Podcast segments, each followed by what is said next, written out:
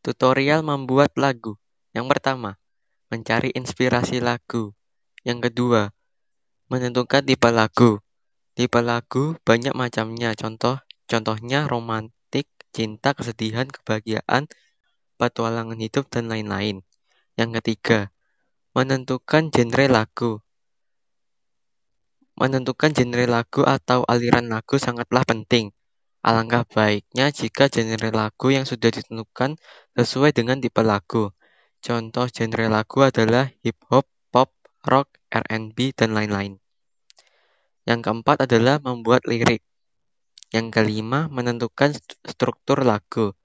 Struktur lagu ini nantinya akan berdampingan dengan membuat lirik lagu secara tidak langsung Anda membuat secara bersamaan.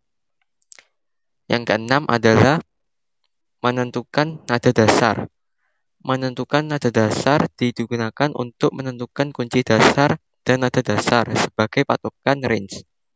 Kunci dasar akan menentukan seberapa tinggi nada vokal yang dicapai oleh penyanyi. Yang ketujuh adalah membuat nada lagu. Membuat nada lagu dari awal intro, nada untuk melodi, middle, dan nada akhir untuk outro.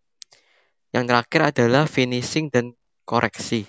Setelah membuat lagu dan nada, cobalah untuk nyanyikan dan mainkan lagu yang telah dibuat. Setelah itu, jika ada kesalahan, koreksilah dan menambahkan kekurangan tersebut.